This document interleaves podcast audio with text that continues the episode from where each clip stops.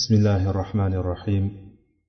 الحمد لله رب العالمين والصلاة والسلام على أشرف الأنبياء والمرسلين وعلى آله وأصحابه أجمعين. أما بعد بزريع الصالحين كتاب درس تؤكدك بحال قدرة قرنزن كي ينجا شنبلن أزينا حديث لربن تانشب من أعلى دين فايدة الحقدة راس صحبت لك شنبلن إن شاء الله بغن qirqinchi hadisga kelib to'xtagan ekanmiz bu hadis ya'ni sabr bobidamiz hali ham عن أبي هريرة رضي الله عنه قال قال رسول الله صلى الله عليه وسلم من يرد الله به خيرا يصب منه رواه البخاري bu hadisni bizga imom buxoriy rivoyat qilib beryapti o'zlarining kitoblarida sahih kitoblarida al jomi as sahih deb atalgan qur'ondan keyin sahihligi jihatidan ikkinchi o'rinda turadigan kitobimiz. Bunda abu hurayra roziyallohu anhudan rivoyat qilinyapti. U kishi dediki rasululloh sollallohu alayhi vasallam shunday dedilar. Alloh taolo kimga yaxshilikni xohlasa unga musibat beradi. Ya'ni uni biror bir musibatga mubtalo qiladi dedilar. Ya'ni bu hadisdan e, ko'rinadiki insonni alloh taolo yaxshi ko'rishligi biz bilamiz musibat ikki xil tarafdan kelishligini. Ba'zi bir musibatlar bizni qilgan qo'limizdan ya'ni bizni qilgan kasbimizdan ishlarimizni orqasidan kelishligini bilamiz biz. Ya'ni biz biron bir xatoga yo'l qo'ysak biron bir gunoh ish qilib qo'yadigan bo'lsak albatta uni orqasidan keladigan bir yomon oqibati bo'ladi. Yomon oqibati ko'pincha balki mana shu musibatlar. Badanimizga yetadigan yoki oilamizga farzandlarimizga molimizga yaqinlarimizga yetadigan biron bir musibat shaklida bo'lishi mumkin. Va boshqa ikkinchi bir ko'rinishi bo'ladiki bu musibatlar alloh taologa iymon keltirgandan keyin alloh taoloni imtihoni sifatida kelishligi mumkin. Ya'ni biz bilamiz bu dunyoni boshidan oxirigacha to tug'ilganimizdan o'lgunimizcha bo'ladigan holatda biz qanday holatdamiz? Faqat bir mashaqqat ustiga bir qiyinchilik ustida yaratilganmiz o'zi. Deydi alloh taolo. Ya'ni insonni biz nimaga? Mashaqqat ustiga. Qiyinchilik ustida o'shanga o'shanday holatda yaratdik. Ya'ni olib qaraydigan bo'lsa butun hayoti aslida insonni bir qiyinchilikdan bir mashaqqatdan iborat. Insonni och qolishi bitta mashaqqat. Och qolgandan keyin qorin to'ydirishi qorin to'ydirgandan keyin to'ygan to'ygandan keyin bu narsani hazm bo'lib ketishligi ikkinchi mashaqqat. Ya'ni inson tug'ilgandan boshlab o'lgunicha bo'ladigan har bir holatni olib ko'ring albatta shu mashaqqat ustida. Lekin o'shalardan bittagina mo'minlargagina allohni bir rahmati marhamati borki mo'minlar mana shu holatda agar unga yaxshilik keladigan bo'lsa shukur qiladi. Bunga ham bitta ajr bor bunga ham savob bo'lib ketadi. Agar unga bir musibat yetib qoladigan bo'lsa sabr qiladi bunga ham ajr oladi. Mana shu bilan mo'min kishini ishi har doim muvaffaqiyatli bo'ladi. Har doim nima? O'ziga minus emas o'ziga plyus tarafda bo'ladi. Har doim mo'min kishi hech qachon yutqazmaydi modomiki iymonida sobit turadigan bo'lsa. Alloh taolo demak bir kishini yaxshi ko'radigan bo'lsa unga musibat beradi degani eng katta musibatlarni ko'rgan kishilar payg'ambarlar hisoblanadi. Eng katta balolarni u xoh ularga so'zlash so'z bilan bo'lsin yetkazilgan ozorlar. Uni so'kish bilan bo'lgan bo'lsin yoki uni har xil laqablar bilan aytgan bo'lsin yoki u urgan bo'lsin yoki o'ldirgan bo'lsin bandalarni ichida eng qattiq azoblarni ko'rgan eng katta musibatlarni ko'rganlar kim? Ular payg'ambarlar. Undan keyin unga yaqin bo'lganlar ya'ni payg'ambarlarga yaqin bo'lganlar va undan keyin ketaveradi. Ya'ni bunday olib qaraydigan bo'lsa insonlarga eng ko'p musibat keladiganlari musibatda ya'ni o'sha musibatlanishlikni darajalari bor. Hammaga har xil tarzda keladi. O'sha darajalarni ketma ketligi jihatidan oladigan bo'lsak qanchalik siz dinga qanchalik ollohni yo'lida mustahkam turaman deydigan bo'lsangiz albatta qaysidir tarafdan sinov keladi lekin o'sha sinovda qaysi tarafdan kelganligini bilib olishlik faqatgina olloh o'zi rahm qilgan kishilar olloh o'zi bildirib qo'ygan kishilargina bu narsani biladi va o'sha paytdan unumli foydalanib turib o'shandan o'ziga kerakli bo'lgan narsani olib ketadi. Ya'ni bir har bir holatda nima bo'lishi kerak? Inson sezgir bo'lishligi kerak. Farosatli bo'lishlik kerakki o'sha kelayotgan narsani shuni ham musibat ekanligini shuni ham bir imtihon ekanligini bilishlik kerak. Har tomondan kelishligi mumkin. Inson har kimni o'ziga yarasha. Ayol kishi bo'lsa ayol kishini o'zini toqatiga yarasha keladi. Erkak kishi bo'lsa erkak kishini o'zini toqatiga yarasha keladi. Bola bo'lsa bolaga qari kishi bo'lsa qari kishiga o'zini toqatiga yarasha o'shani o'zini darajasiga yarasha iymonini darajasiga yarasha sinovlar kelaveradi. U o'tgan darslarimizda tavba bobida keluvda kabi molikni holati. Qanday qanchalik sabr qildilar? Ya'ni buni sabr bobida ham o'sha o'tilgan holatni sabr bobiga keltirsak ham bo'ladi aslida. U kishi tavba bobida keltirdi. Imom navoiy rahimalloh tavba bobida buni zikr qilib o'tdi. Mana bu kabi molikdan hamma ajratib insonlar hammasi uni chekkaga chiqarib qo'ygan paytda gaplashmaydi. Hamma aloqani uzgan. Hatto salom bersa salomiga ham aliga olishmagan. Shunchalik darajada asli salomga aliga olishlik nima edi? Farz salomga aliga olishlik. Bir kishi salom bersa salomga alik olishlik oyat bilan sobit bo'lganligi uchun buyruq bilan kelganligi uchun buni farz deydi. Salom berishlik sunnat desa salom bergan kishidan alik olishlik nima? Farz deyishadi. Hatto salom bergan paytda ham salomga ham alik olmasdi deydi.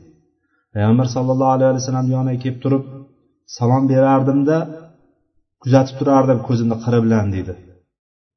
Alik oldimikan og'izlari qimirladimikan yo'qmikan degan narsa lablari qimirladimikan yo'qmikan degan narsaga og'ziga ko'zimni qiri bilan qarab turardim deydi.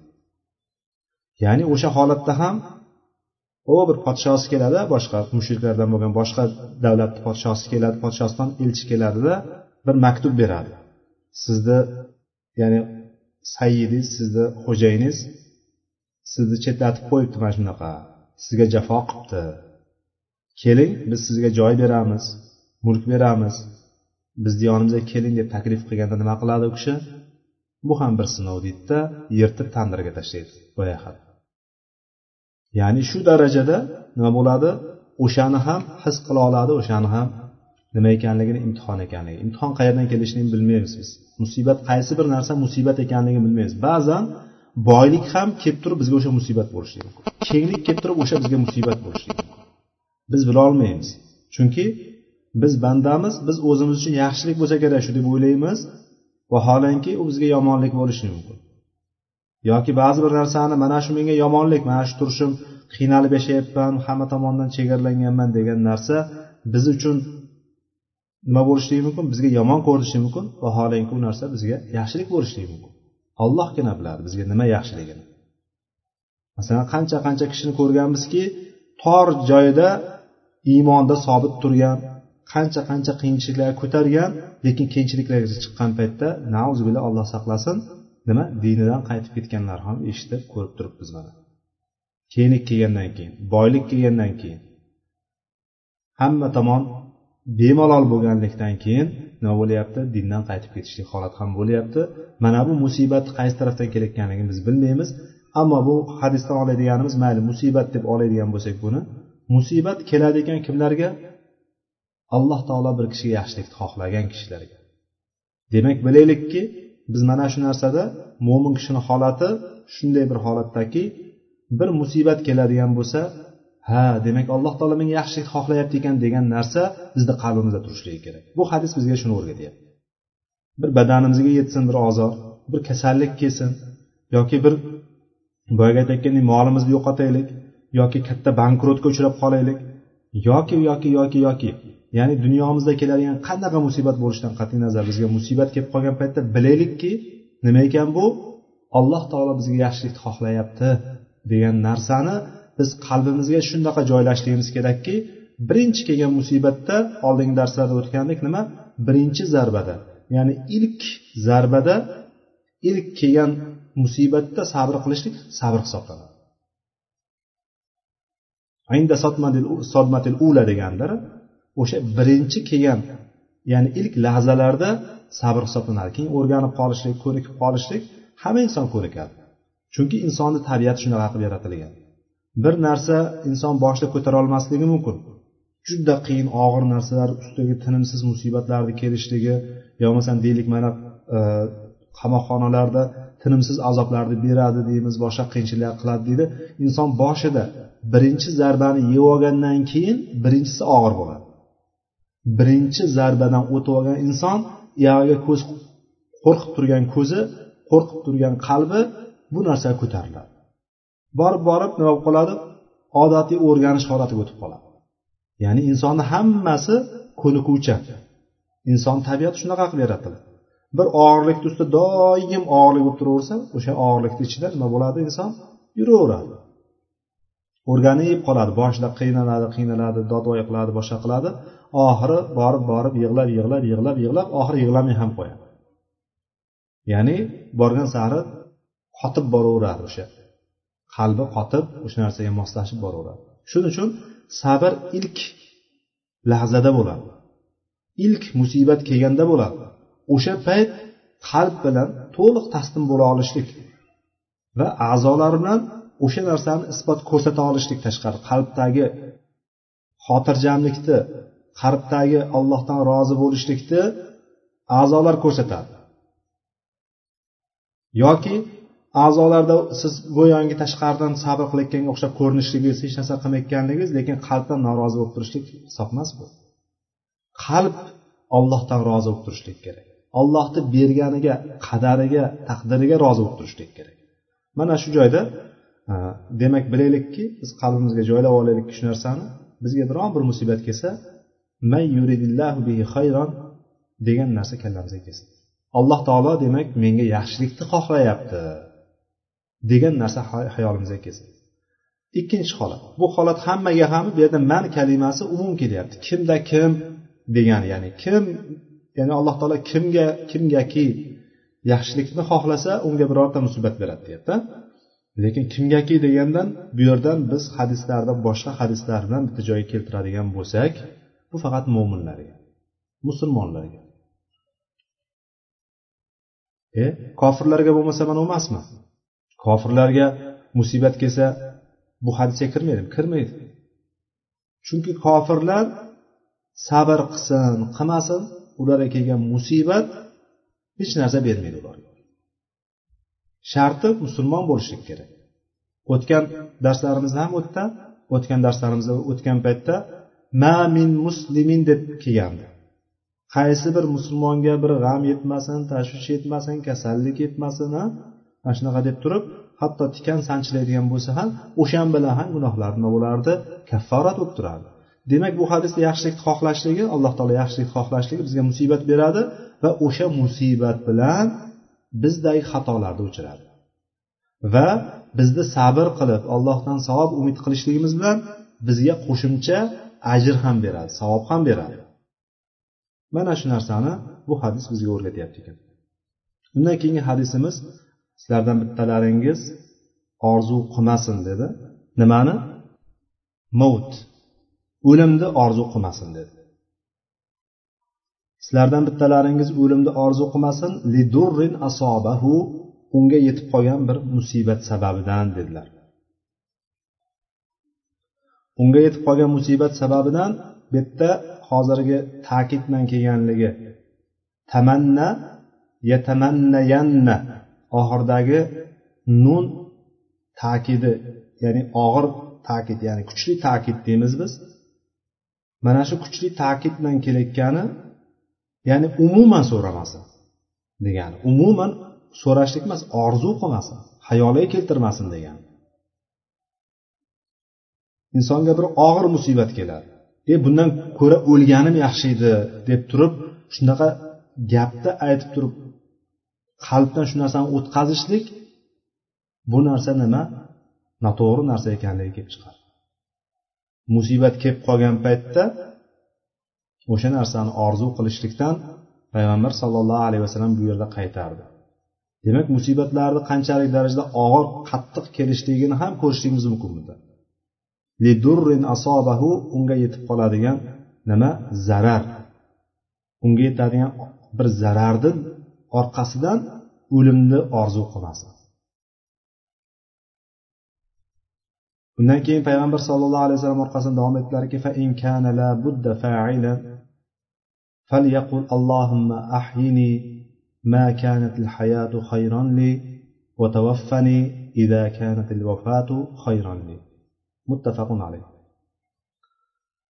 agar shunaqa bir holatga tushib qolib turib chorasiz qoldi umuman bir yo'l qolmadi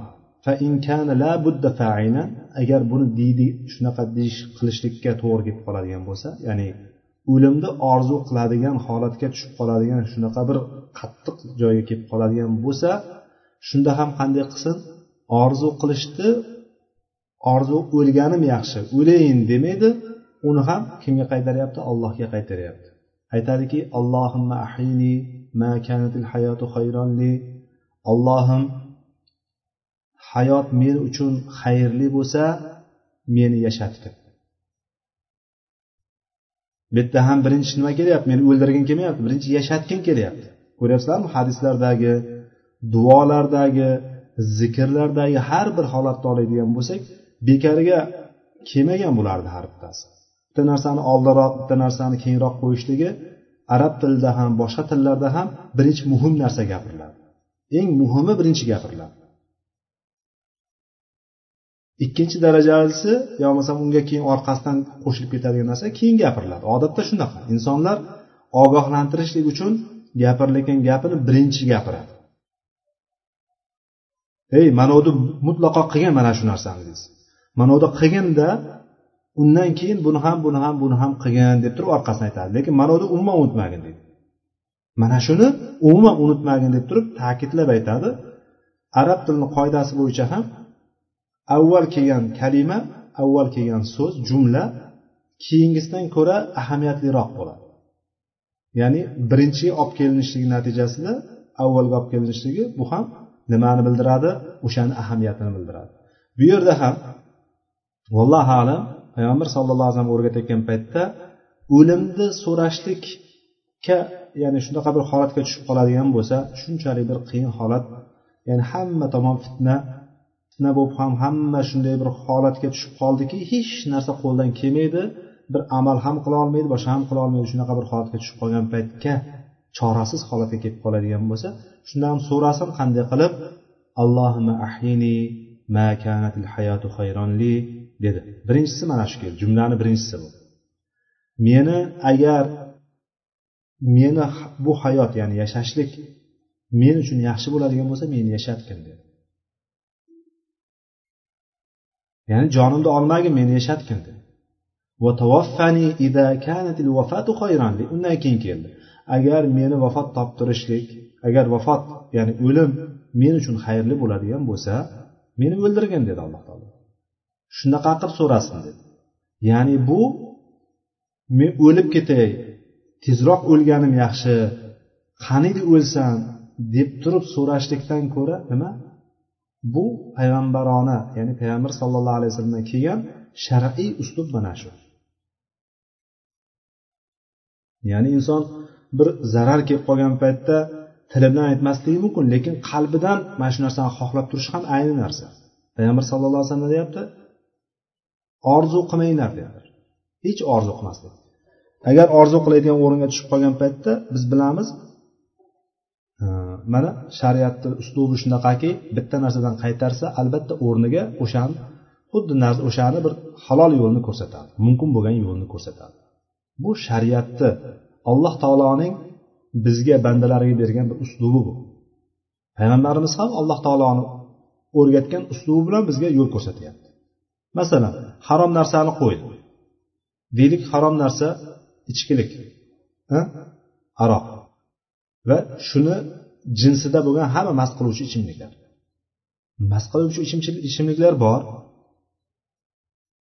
Ichishlik uchun to'g'rimi? Bu harom narsalar. Lekin uni qarshisida nimalar bor? Ichimlik ichadigan bir qancha turi bor. Ya'ni uni o'rnini bosadi.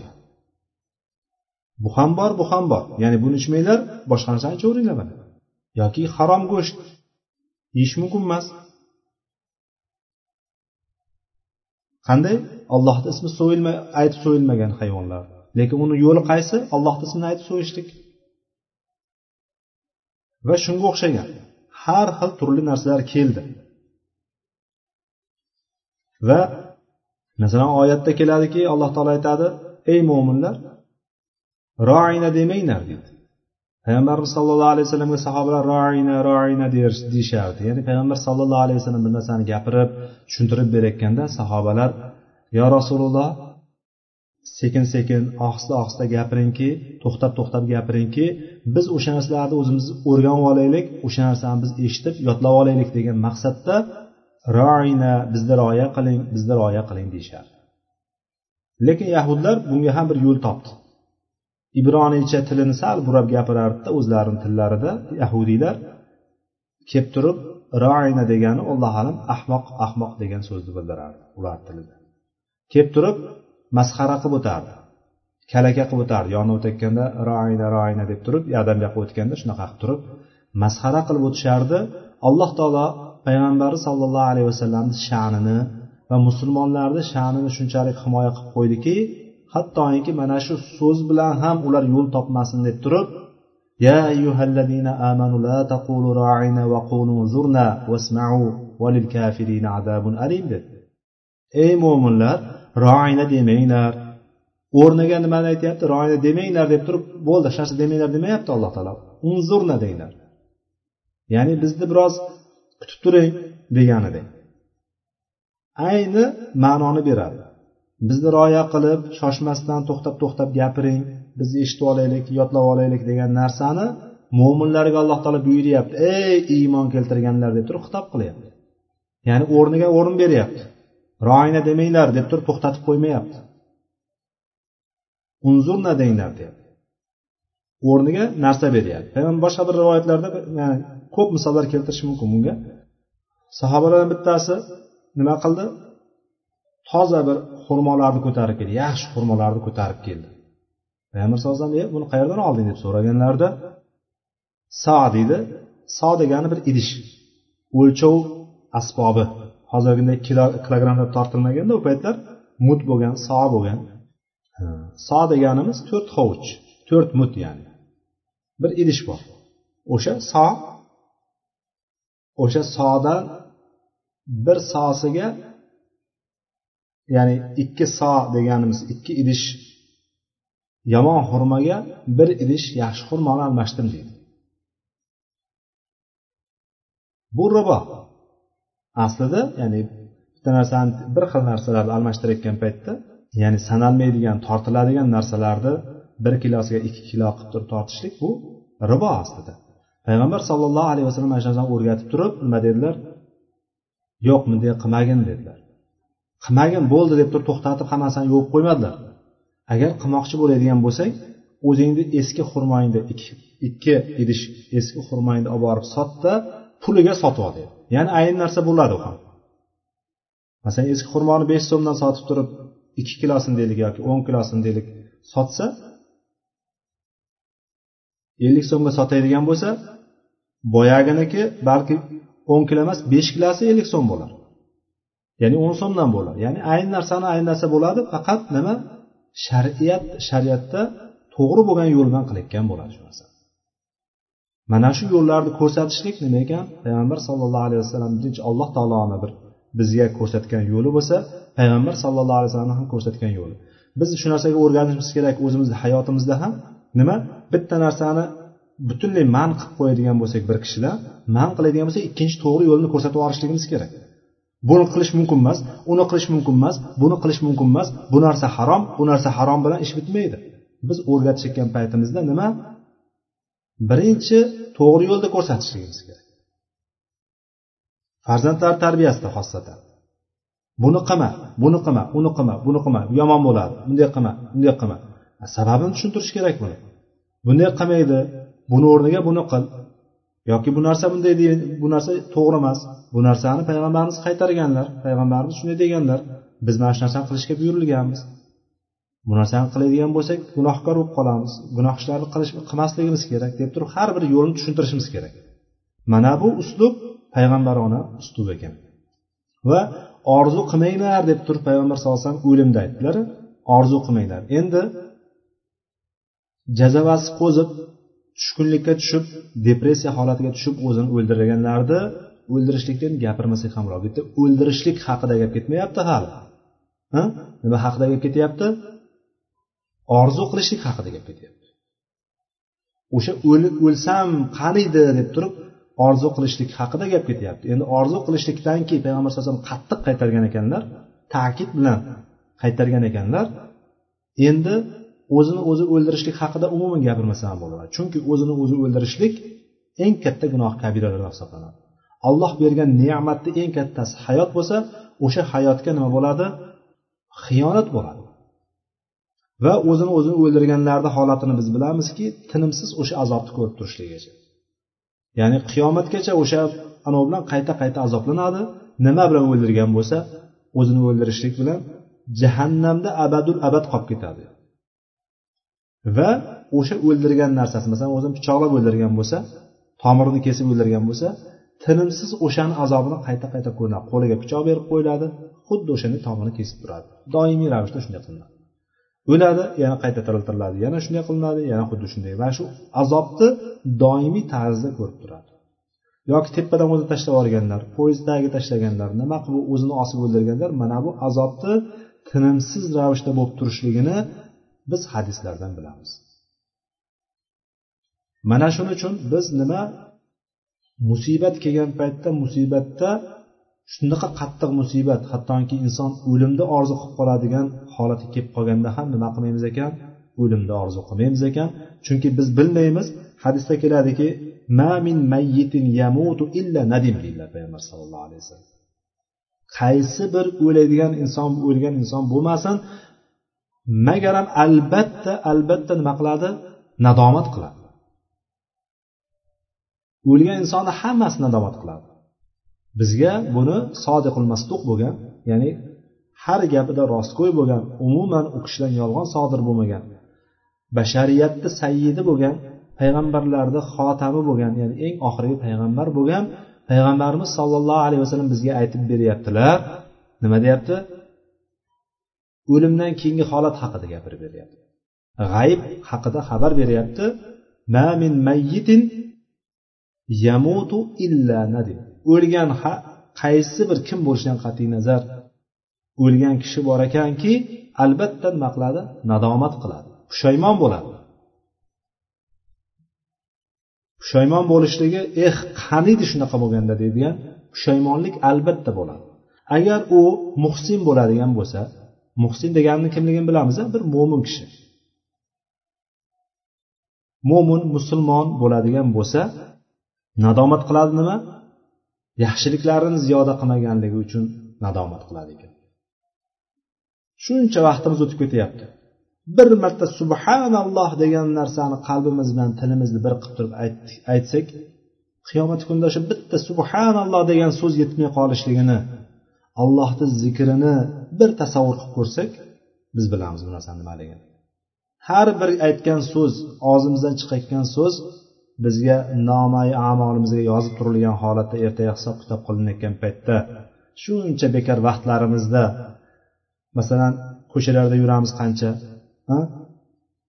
ishlarga borib kelamiz yoki boshqa qilamiz yo bo'lmasam biron bir ish qilayotgan paytimizda yoki bekor bo'lib qolgan paytimizda bir marta subhanalloh subhanallohi va bihamdihi subhanallohil azim shunga o'xshagan bir qancha zikrlarimiz bor. Tilimizga yengil rahmon taologa alloh taologa suyukli bo'lgan tarozida og'ir bo'lgan bir kalimalarimiz borki bizni juda ko'pchiligimiz bundan g'ofilmiz. Mana bu zikrlarni qaniydi o'shani borgan bir marta bo'lsa ham shuni ko'paytganimda qaniydi shuncha vaqtim borda degan narsani nadomat qiladi deydi. Agar u mo'min kishi bo'ladigan bo'lsa endi bir osiy kishi bo'ladigan bo'lsachi osiy gunohkor kishi bo'ladigan bo'lsa qaniydi shuni tavba qilmagan nimaga ham tavba qilolmadim a deb turib nadomat qiladi deydi. Mana shuning uchun inson qachon qayerda nima o'lishligini hech kim bilmaydi qachon o'lishliginiyu qaysi holatda o'lishini hech kim bilmaydi. Shuning uchun solih amallarni ko'paytirishlikka va solih amallar qilib turgan holatda jon olishligini ollohdan so'rashlikka va oyatlarda kelganidek boyagi tavaffani muslima va alhaqni bis solihin ya'ni shu mo'min holatda o'ldirgan musulmon holatda o'ldirgan va solihlarga qo'shgin deganday yoki sizlar shunday holatda o'linglarki faqat musulmon bo'lgan holatlaringda bo'ysungan holatlaringda o'linglar degan narsalarni oyatlarni biz tasavvur qilgan holatda doim solih amallarga harakat qilib yurishligimiz kerak solih amallarni doimiy qilib yuradigan inson qachon o'lim kelishligini bilmaydi وما تدري نفس ماذا تكسب غدا وما تدري نفس بأي أرض تموت inson ertaga nima qilishligini ya'ni ertaga deganda g'odam kalimasi ertaga deb kelyapti. Nima bo'lishini nima bilmaydi. Nima qilishligini nima bo'lishligini bilmaydi ertaga va qaysi yerda o'lishligini ham bilmaydi inson. Demak bilmaymizmikan? Bilmaganimizga ko'ra o'sha bilmaydigan kishi qanday yo'l tutish kerak bo'lsa o'sha yo'l tutishimiz kerak. Ya'ni shu holatda meni jonim olinib qolsa nima bo'ladi? Hozir qanday holatda ketib qolgan bo'laman? Degan narsani tasavvur qilgan holatda nima qilishligimiz kerak? Biz hayotimizni o'tkazishligimiz kerak. Bu hadisdan oladigan foydamiz demak shunaqa bir qattiq musibatlar kelib qolgan holatda ham mo'min kishini holati allohdan ajr umid qilgan holatda nima? Turishligi agar o'shanga sabri chidamaydigan holatda bo'lib qolgan taqdirda ham allohdan so'rashligi kerak ekanki mana shu duo bilan. اللهم أحيني ما كانت الحياة خيرا لي وتوفني إذا كانت الوفاة خيرا لي mana shu holatda ya'ni bilguvchi olloh biz qanday holatda bo'lishligimizni e, balki bizni yashashligimiz xayrmi o'limimiz xayrmi bilmaymiz demak mana shu duo bilan so'rab turib alloh taolodan duo qilishligimiz kerak bo'lar ekan undan keyingi hadisimiz abi abdullah habbab ibn arat roziyallohu anhu qol شكونا إلى رسول الله صلى الله عليه وسلم وهو متوسد بردة له في ظل الكعبة bu hadisda bizga abu abdulloh habbob ibn arat habbob ibnul arat roziyallohu anhu rivoyat qilyapti bu sahoba roziyallohu anhu haqida endi birinchi marta keldi shuning uchun imom navaviy ham buni kunyasidan keltirdi. Abu abdulloh deb turib keltirdi.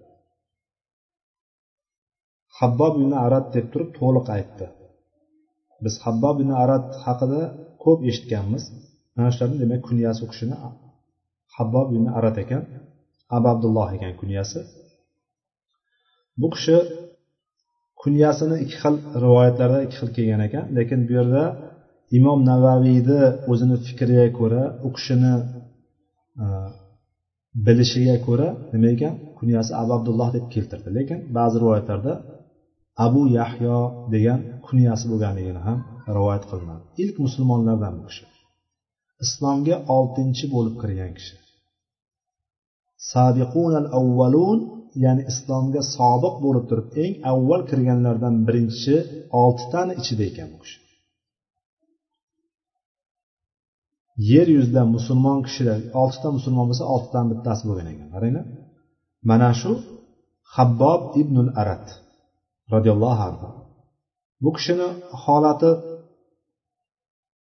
bu kishini biz ozgina bir tanishib chiqargan bo'lsak bu kishi yoshlik paytida qul qilib turib johiliyat payti ya'ni qul qilib turib makkaga sotiladi.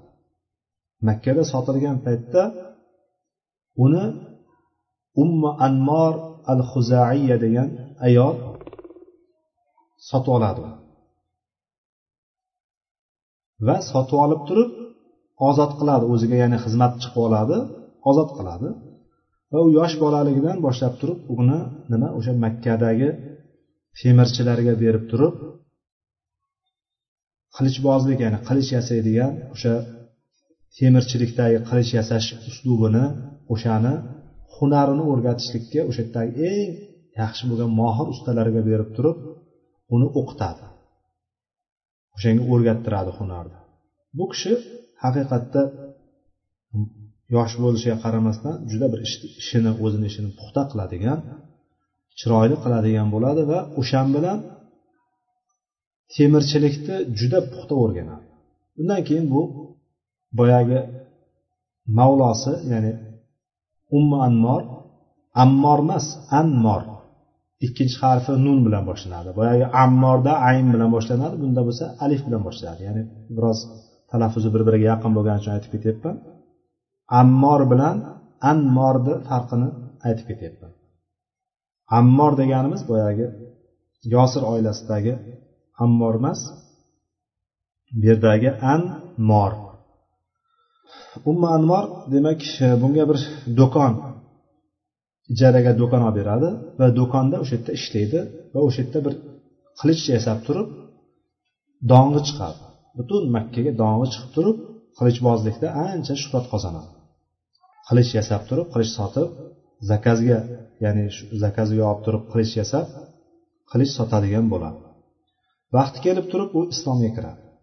Vaqti kelib payg'ambar sallallohu alayhi vasallamni payg'ambarlik keldi degan xabari bunga ham yetib kelganda payg'ambar sallallohu alayhi vasallam yoniga kelib turib qo'llarini cho'zib turib qo'llarini cho'zib qo'llarini ushlab turib men ashhadu an la ilaha illalloh va anna muhammad rasululloh deb turib kelib turib iymon keltiradi.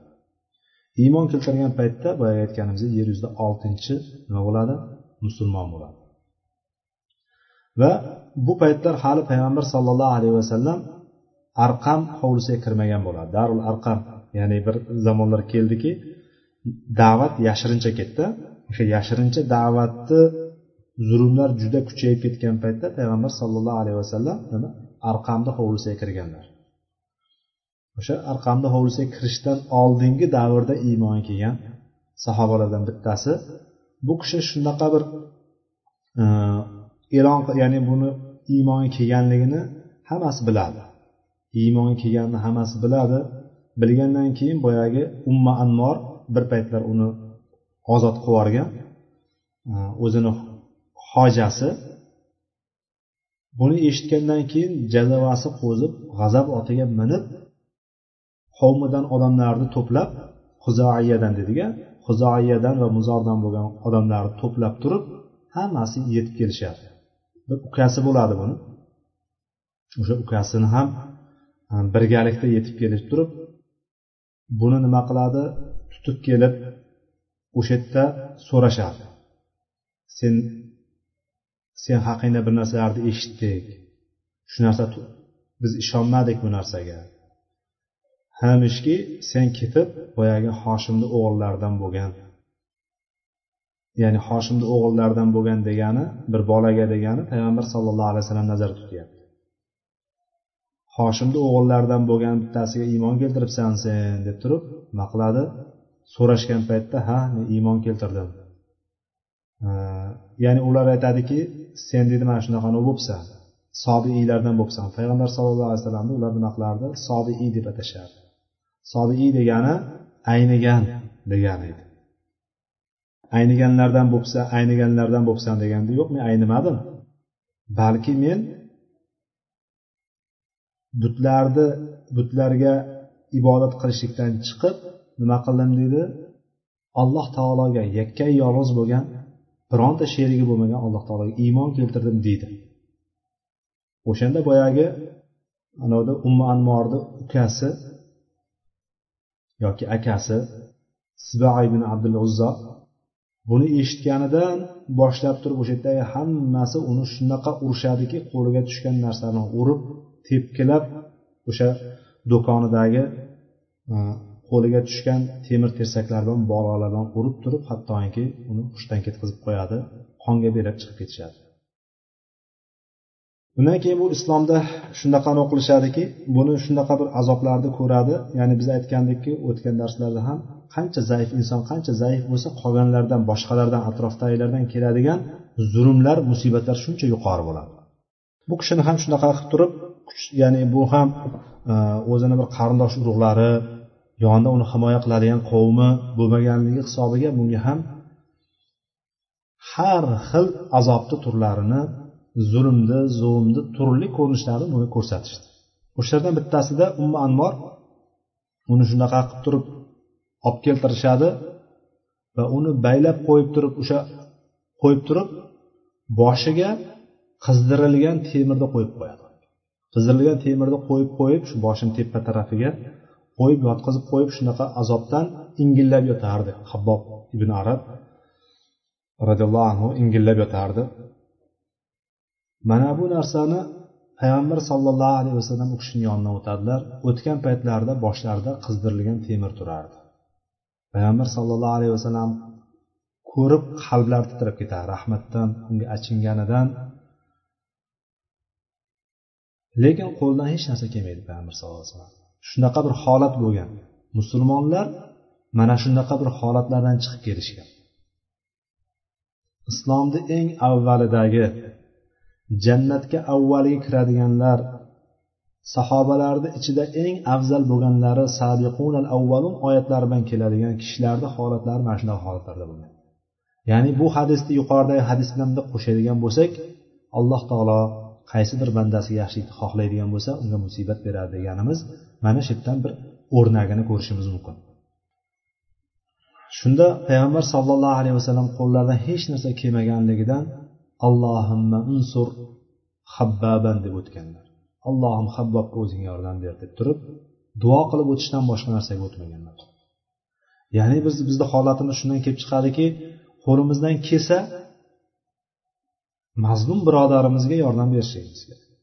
Mazlum birodarimizga qo'limizdan yordam kelmaydigan bo'lsa qo'limizdan hech narsa kelmaydigan chorasi qolgan paytimizda nima? Oxirgi qurolimiz bo'lgan nima? Duoga o'tishligimiz kerak. Payg'ambarimiz allohimansur habbaban deb duo qilgan. Ya'ni allohim o'zing yordam ber unga deb turib duo qilib o'tganlar. Va mana bu narsa alloh taoloni zulmni albatta jazosiz qoldirmasligini qiyomatga tashlab qo'ymasligini shu dunyoni o'zida ham zulmni jazosi bo'lishligini alloh taolo yer yuziga o'rnatib qo'ygan bir qonunidir. Zolimlar o'ylamayki biz hozir masalan zolimlar shuncha zolimlar yuribdi shuncha zulmlarni qilyapti lekin ular hech narsa yo'q. Albatta keladi. Kechmi ertami? Albatta keladi. Lekin bu kech erta degan narsa bizni nazarimizda shu kech erta hisoblanadi. Lekin allohni nazarida kech erta degan narsa yo'q. Biz uchun shunaqa ko'ringanligi bilan lekin albatta zulmni nimasi jazosi shu dunyoni o'zida albatta kechikmagan holatda keladi. Oxiratda qolib ketmaydi albatta keladi. Bu narsadan biz amin bo'laylik. Bu narsadan biz xotirjam bo'laylikki albatta keladi. U zulmni qanaqa ko'rinishi bo'lishidan qat'iy nazar. Biz birovga zulm qildik. Uni haqqini poymol qilishlik bilan bo'lsin. Biz unga zulm qildik uni obro'sini to'kish bilan bo'lsin. Biz unga zulm qildik g'iybat qilish bilan bo'lsin. Bo'xton qilish bilan bo'lsin tuhmat qilish bilan bo'lsin. Yoki biz bittasiga zulm qildik urush bilan bo'lsin yoki molini tortib olishlik bilan bo'lsin. Yoki tinimsiz boyagi aytayotganday qaynona kelinlar o'rtasida bo'ladigan narsalar. Qaynonami tinimsiz kelinni ustiga tinimsiz kelishligi bilan bo'lsin. Mana shunga o'xshagan narsalarni hammasi nima? Biz bilamizki bu narsa albatta qaytadi. Xotirjam bo'ling albatta qaytadi. Mana shu narsani biz bilib olishligimiz kerakki al zulmu zulumat yovmal qiyama deganlar payg'ambar sallallohu alayhi vasallam. Zulm qiyomatda zulumotlar bo'ladi ya'ni ko'p zulumot bo'ladi zulm. Bu dunyodagi zulm oxiratda ko'p zulmat bo'ladi. Mana shu holatda ham zulmni albatta kelishligini mana bu hadisda ko'ryapmizki habbob ibn aratni boshiga temir qizdirib bosgan ummu anmor boyagi uni xo'jayini ayol kishi hech qancha vaqt o'tmasdan turib shunaqa bir kasalga yo'liqdiki shunaqa bir kasalga yo'liqdi. Asabiy bir kasalga yo'liqdi. Ya'ni bir nerv kasalligiga yo'liqdi. Boshi shunaqa qattiq og'riydigan va shunaqa qattiq og'rigandan aytiladiki itlar uvillaganday itlar uvillaydiku. Baylab qo'yilgan itlar u kechalari uvillaydi. E bu xosiyatsiz degan kechasi uvullaydi deb turib odamlar gapirishadi. O'sha uvullaydigan ovoz chiqardi uvullardi deyishadi mana shunaqa darajada ingirardi yani. Va uni bittayu bitta davosi doktorlar ko'rib hammasi o'sha paytdagi tabiblar ko'rib turib ko'rib ko'rib ko'rib uni davosi nima deyishdi? Uni boshiga temir qizdirib bosishlik deyishdi. Temir doimiy qizdirib temir bosib turishlik kerak deyishdi. O'tda qizdirib turishlik kerak dedi boshimda ya'ni hech qancha o'tmasdan ayni shaklda ayni ko'rinishda alloh taolo uni qasosini berib qo'ydi. Mana bu narsaga biz e, juda e'tiborli bo'lishligimiz kerak.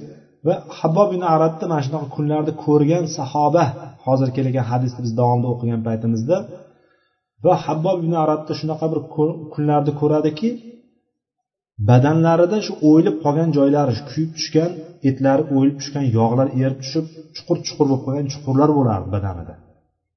Shunaqa cho'g'larni ustiga temir cho'g'larni ustiga yotqizib qo'yib turib shunaqa azoblarni ko'rgan sahobaga payg'ambar sallallohu alayhi vasallam qanday gapirganlarini hozir biz hadisda ko'ramiz. Mana shu sahoba roziyallohu anhu e, bu kishi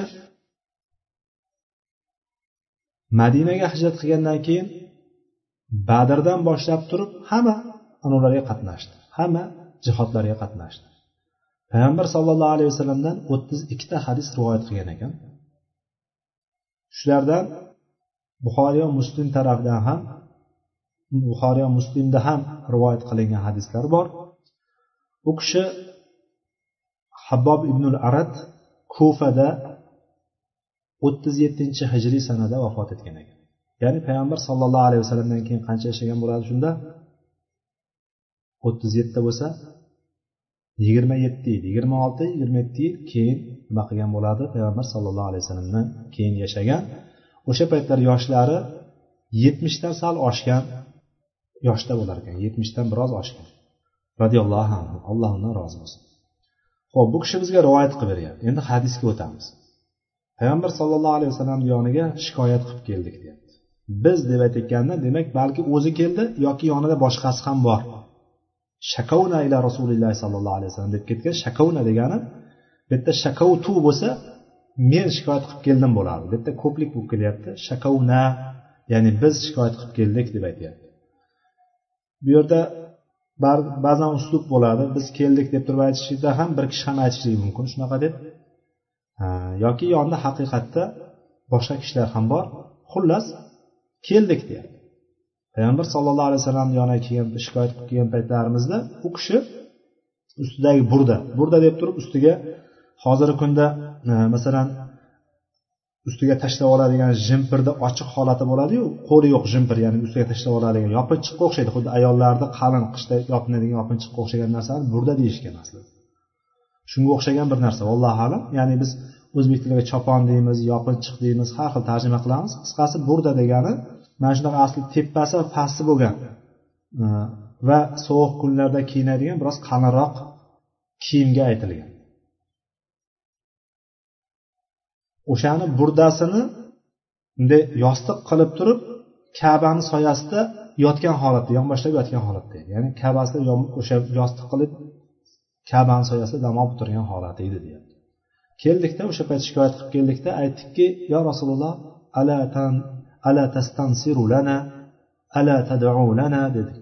Ya'ni keldi yo rasululloh bizga nusrat so'ramaysizmi bizga? Allohga duo qilmaysizmi bizga? Bizni haqqimizga yordam so'rab nusrat so'rab turib duo qilmaysizmi dedi. Nima uchun?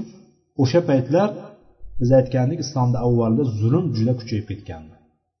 Zulmni ustiga zulm zulmni ustiga zulm kelib turib ko'chada kun bermasdan qayoqqa o'tsa o'tgan ham bir tosh otadi o'tirgan ham bir tosh otadi bu yoqqa o'tsa turklab o'tadi bu yoqqa o'tsa turklab o'tadi. Ya'ni shunaqa darajada. Hech bo'lmasa bir og'iz gap bilan teginib o'tadi. Mana shunaqa darajada tasavvur qiling ko'chaga chiqib turib hozir hech kim bizga ozor bermayapti aslida lekin ko'chaga chiqqan holatda bir tasavvur qiling hamma qo'li bilan ko'rsatsa sizni ana falonchi deb turib va bittasi kelib turib sizni bir turtib o'tsa bittasi kelib turib tuplab o'tsa bittasi oyog'ingizga chalib o'tsa bittasi tosh otsa bittasi boshqa qilsa ya'ni sahobalarni avvallari mana shunaqa kunlarni boshlab ko'chirdi. Mana shunaqa holatlarni kechirdi. Hattoki zaiflarni mana boya hozir aytganimizdek habbob ibnul aradni hayotini ozgina o'sha paytdagi makka davridagi mushriklarni zulmini bir qismini aytdik. Mana shu holatdan qiynalganidan kelib turib yo rasululloh bizga duo qilsangiz bo'lmaydimi yordam bermaydimi alloh taolo? deb turib so'radik deyapti. Shikoyat qilib mushriklardan shikoyat qilib kelib turib shuni so'radik deyapti. Shunda payg'ambar sallallohu alayhi vasallam aytdilarki من قبلكم يؤخذ الرجل يخفر في الأرض ويجعل فيها. ثم يؤتي بالمنشار فيوضع على رأسه فيجعل نصفين. ويمشط بأمشاط الحديد ما دون لحمه وعظمه. يعني شنقة ديگن بيتة پیغمبر صلى الله عليه وسلم قبت دعاقلما الله كدمادلر aytayotgan gaplarini qaranglar. Payg'ambar sollallohu alayhi vasallamni mana shunday qiyinchilik mana shunday zulmlarni ko'rgan sahobaga qarata aytayotgan gaplarini qaranglar. Darhaqiqat dedilar. Qod kana man qoblakum darhaqiqat sizlardan oldingi ummatlardan ya'ni musulmonlardan sizlardan oldingi ummatlardan man qoblakum sizlardan oldingi ummatlardan bittasini olib kelinardi mo'minlardan bir kishini olib kelinardida yerda bir chuqur qazilib u uchun o'sha o'shanga mos qilib turib chuqur qazilardida va o'sha chuqurni ichiga tushirib qo'yilardida arra olib kelinardi. Arra olib kelib turib boshini o'rtasiga qo'yib turib ikkiga arilab tashlanardi. Ikkiga bo'lib tashlanardi arra va ikkinchi holat va yumashitu bi amshatil hadid ma duna lahmihi va azmihi. Va temir taroqlardan ya'ni shunaqa temir bunday balki kircho'kka o'xshagan ilmoqli bir taroqlari taroqqa o'xshagan bir narsani bir taroq deb aytilyapti hadisda.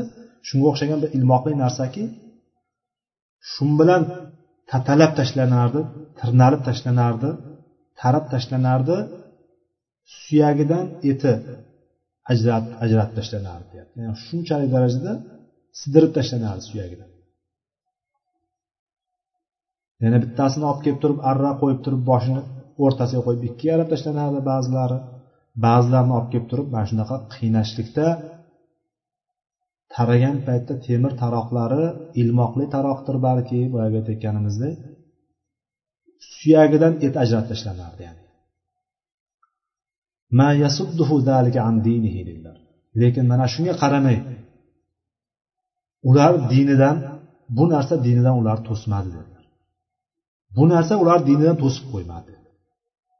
Ya'ni dinidan qaytasan mana bu butga iymon keltirasan yoki bunday qilasan unday qilasan deb turib dinidan qaytarishga qaytsang qaytding bo'lmasam aralab tashlaymiz deb yonida boshqasini aralab tashlab turib turib ya'ni qo'rqitish har xil holatga qo'yishlik. Hozirgi kundagi mana bo'layotgan eshitib turgan xabarlarni ham har xil holatlarni ko'ramiz lekin bu narsa biz uchun yangilik emas. Yangilik emasligi biz oldingi ummatlardan ham xabarlarni eshitdik va o'zimizni ummatda ham shu kungacha bo'lgan narsalarni ancha munchasini ko'rdik. Payg'ambar sollallohu alayhi vasallamni gaplarini qaranglar ma yasudduhu zalika an dinihi dinidan bu narsa qaytarmagan bu narsa dinidan uni to'sib qo'ymadi. Shunday qattiq azoblarni ko'rdi lekin dindan to'smadi.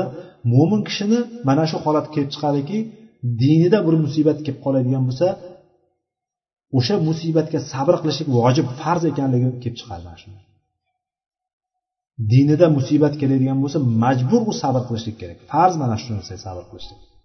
O'sha narsani har qancha azoblarni har qancha ko'rinishini bermasin lekin sabr qilib mustahkam turishligi kerak qalbi bilan turishlik kerakki agarki qatl qilib tashlasa ham o'ldirib tashlagan taqdirda ham nima bo'ladi? Shahid bo'ladi. Mana bu narsani musibatni har xil ko'rinishini ko'rgan sahobalarga payg'ambar sollallohu alayhi vasallam mana shu ko'rinishda nima berdi? Tasalli berdi. Tasalli berdi deganimiz tasalli berdi deganimiz. Ya'ni insonga bir o'ziga musibat kelsa bir o'ziga musibat keladigan bo'lsa inson dovdirab qoladi. Bir o'ziga kelsa. Lekin o'zidan boshqa boshqa bir qancha odamlarga ham kelganini bilib turishligi insonda o'sha narsani biroz yengillashtiradi. Shuning uchun bu uslub insonni shunaqa bir anavisi holati shunaqaki bir daldachiga unga bir tasalli beruvchiga muhtojligi bor inson. Inson har qanday og'ir holatda bo'lsa bo'lsin lekin unga bir tasalli berib turadigan holat bo'ladigan bo'lsa uni musibati yengillashadi. Ya'ni bir men emasmanku deydi. Ya'ni payg'ambar sollallohu alayhi vasallamga o'tgan payg'ambarlarni holatlari o'tgan ummatlarni holatlarini bildirishligidan bitta narsa sizni yolg'onchiga chiqarayotgan sizni yolg'onchiga ummatingiz sizni qavmingiz sizni yolg'onchiga chiqarayotgan bo'lsa darhaqiqat oldingi payg'ambarlarni ham qavmlari yolg'onchiga chiqarishgandi deb turib oyatda kelishligi ya'ni siz bitta o'zingiz emassiz xotirjam bo'lavering degani o'sha narsani eshitgan kishi nima bo'ladi? Ha bitta men emas ekanman. Yer yuzida faqat men emas ekanman azob ko'rib turgan. Faqat men emas ekanman. Yurtidan haydab chiqarilgan quvib chiqarilgan yurtidan qochib chiqqan hijratda yurgan hijratda qiynalayotgan bitta men emas ekanman yo qamoqda o'tirgan bitta men emasman degan narsa u narsani musibatni biroz yengillashtiradi. Musibatni biroz yengillashtirishligi ancha muncha yengillashtiradi. Bunga misol mana zilzila bo'lgan yerlarda ko'rganmiz eshitganmiz ya'ni ko'rgan kishilarni eshitganmiz to'g'rirog'i. Zilzila bo'lganda shunaqa bir holatlar bo'ldiki deydi. Bitta oiladan bir kishi tirik qolgan yetti sakkiz kishini qabrga qo'yayotgan holatlar bo'ldi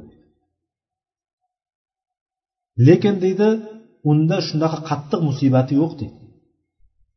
Qattiq boyagi bo'lmasam oiladan bittasi yaqini farzandi yoki bir eng yaqin odam bittasi olamdan o'tadigan bo'lsa qanchalik qiynalib qoladi inson o'zini yo'qotib qo'yadi. Lekin bu yerda nima bo'lyapti?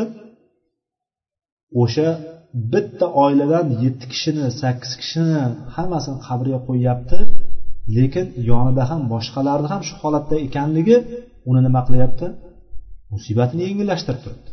Xuddi shunday ya'ni payg'ambar sollallohu alayhi vasallam shunaqa dediki sizlar hozir mana shunaqa musibatlarni ko'rib turgan bo'lsalaringiz sizlardan oldingi ummatlarda ham shunaqa bir holatlar bo'lgandi mana mana shunday qilingandi mana shunday qilingandi deb turib mana shu holatni aytib turib ularga tasalli berdi. Sizlar biroz shoshyapsizlar lekin. Shoshishlik kerak emas bu holatda. Hali shunday bir holatlar keladiki vallohi dedilar allohga qasamki dedilar. Bu ishni alloh taolo oxirigacha yetkazadi dedi. Bu ish deb turib islomni oxirigacha yetkazadi islom oliy bo'ladi albatta. O'sha islom oxirigacha yetgan paytda musulmonchilik keng yoyilgan paytda nima bo'ladi? Hali bu yetti sakkizta balki o'ttiz qirqtaga yetgan paytdagi gapdir bu hali. Musulmonlarni holati habbob ibnul arab payg'ambar sallallohu alayhi vasallam yoniga kelib turib bu shikoyatni qilib aytayotgan paytlarida balki o'sha payt makkada o'ttiz qirqtadan oshmaydigan darajadagi musulmonlar bor bo'lgan bo'lishligi kerak vallohu alam. Undan kam bo'lsa kamdir undan ko'p emasdir. O'sha holatda aytdilarki hali bu alloh taolo bu ishni oxiriga yetkazadi. Hatto yasir rokibu fi sanaa min sanaa ila hadramaut la yaxofu illalloh. Ya'ni shunday bir holatga keladiki hazaramautdan sanodan sano bu yamanni poytaxti hozirgi kundagi sano deymiz.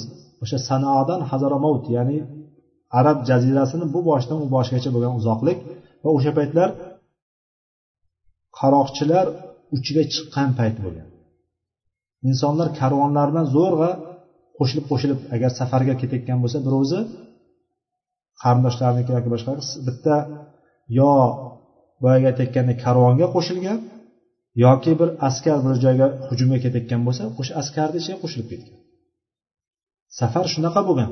Inson yolg'iz holatda safar qilolmagan a bu yerda rokib bir kishi bir otliq bir ulov otga mingan kishi yoki bir kishi rokib deganimiz bir minga ulovga mingan kishi. Ot bo'lsin tuya bo'lsin eshak bo'lsin mashina bo'lsin nima bo'lsa ham bir kishi sanodan chiqadida hazaramovutgacha boradi faqatgina allohdan qo'rqadi. Boshqa hech kimdan qo'rqmaydi. Shunaqa xotirjamlik keladi hali. Va qo'rqadigan narsasi ikkinchi qo'rqadigan va yana qo'rqadigan narsasi qo'ylar uchun bo'ridan qo'rqadi ketgan paytimda shu bo'rilar bo'ri qo'yim deb ketmasmikan degan narsa uni xayoliga kelib turadi xolos. Valakinnakum tastajilun dedilar payg'ambar sallallohu alayhi vasallam. Ya'ni sizlar lekin sizlar shoshilyapsizlar dedilar. Shuncha azobni ko'rgan sahobalarga shoshilardi. Shoshilyapsizlar dedilar. Lekin undan oldin nima dedilar? Hali alloh taolo bu ishni oxiriga yetkazadi. Dedi ya'ni albatta alloh nusrati keladi. Dedi ya'ni nusrat bilaylikki allohni yordami albatta keladi. Allohni va'dasi bor. Ollohni nusrati yaqin. Juda yaqin. Allohni nusrati albatta keladi. Lekin buni sabr. Nusrat nima bilan bo'ladi? Sabr bilan bo'ladi. Sabr bobini o'tyapmiz hozir. Har qanday keladigan allohni yordami albatta sabr bilan bo'ladi.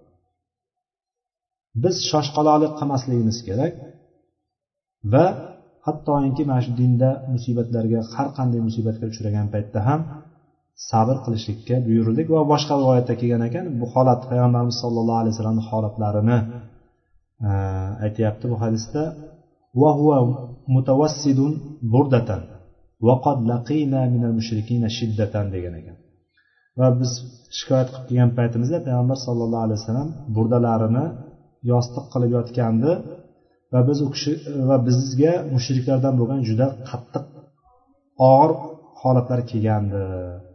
Deb turib rivoyat qildi. Ya'ni mushriklardan bizga juda shiddat shiddat deganimiz ya'ni mushriklardan juda ko'p azob aziyat uqubat yetib turgan holatda biz payg'ambar sallallohu alayhi vasallam yoniga kelib turib mana shu narsa aytganimizda bizga payg'ambar sollallohu alayhi vasallam mana shunday deb javob berdi dedilar. Demak har qanday holatda ham mo'min kishini ishi nima ekan? Sabr qilish ekan. Alloh taolo bizni sabr bilan rizqlantirsin sobirlardan qilsin. va sabr qilishlikda bizga o'rnak bo'ladigan sahobalar va eng boshinda eng boshida payg'ambarlardan o'rnak olishlikni chiroyli namuna olishlikni alloh taolo bizga nasib qilsin وآخر دعوانا أن الحمد لله رب العالمين سبحانك اللهم وبحمدك أشهد أن لا إله إلا أنت أستغفرك وأتوب إليك اللهم علمنا ما ينفعنا وانفعنا بما علمتنا وزدنا علما